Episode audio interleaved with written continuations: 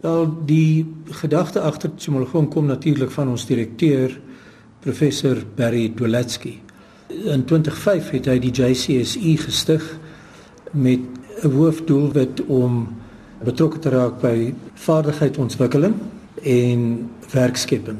Hy het gevoel dat ons kan 'n bydrae maak tot die verbetering van die sagteware bedryf in Suid-Afrika. Paar jaar na die JCSE tot stand gekom het, het hy begin besef dat iets wat werklik 'n verskil kan maak is om 'n tegnologie hub te vestig. Hy het toe begin werk daaraan, hy het verskeie plekke oral in die wêreld besoek om te sien hoe ander mense dit doen. Ons het toe so in 2013 ernstig begin werk daaraan en dit is nou by die punt waar ons die Chimologong precinct is nou 'n bruikbare spasie. Ons het opleidingsprogramme wat hier plaasvind.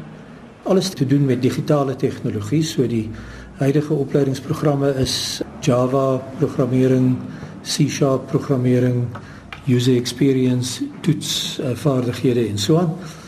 En dan saam met die opleiding wat hier plaasvind, probeer ons ook lede lok om betrokke te raak by ons precinct met die doel om start-up besighede op die been te bring.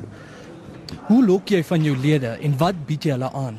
Goed, uh, ons is eintlik die een van die redes hoekom hierdie vermoë of hierdie fasiliteite hier in Braamfontein geskep word en nie op Witse kampus nie is omdat ons wil ons graag wil oop wees vir enige persoon, enige lid van die publiek, waarskynlik jonger uh, persone, maar dit is eintlik nie daar's geen ouderdomsgrens nie.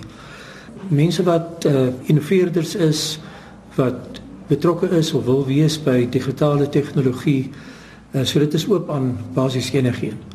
Ons het 'n uh, aanlyn aansoek uh, proses waar individuele of spanne, klein spanne hoofsaaklik aansoek doen om lidmaatskap van die precinct te bekom en ons doen op hierdie stadium 'n ligte evaluasie van daai aansoeke net om te probeer bevestig dat hulle geldige bydrae kan maak tot die gemeenskap wat ons hier probeer ontwikkel, 'n digital community. Uh, wat ons aanbied, dit verander. So in die begin al wat ons aangebied het was plek vir mense om te kom werk. Ons het twee hooftipe uh, lidmaatskap. Die een is vol lidmaat wat mense is wat hierdie omgewing soek as 'n werksplek. Hulle kom elke dag hiernatoe en en werk aan hulle tegnologie of dan ad hoc lede wat uh, net nou en dan wil inval om van die die fasiliteite te wil gebruik.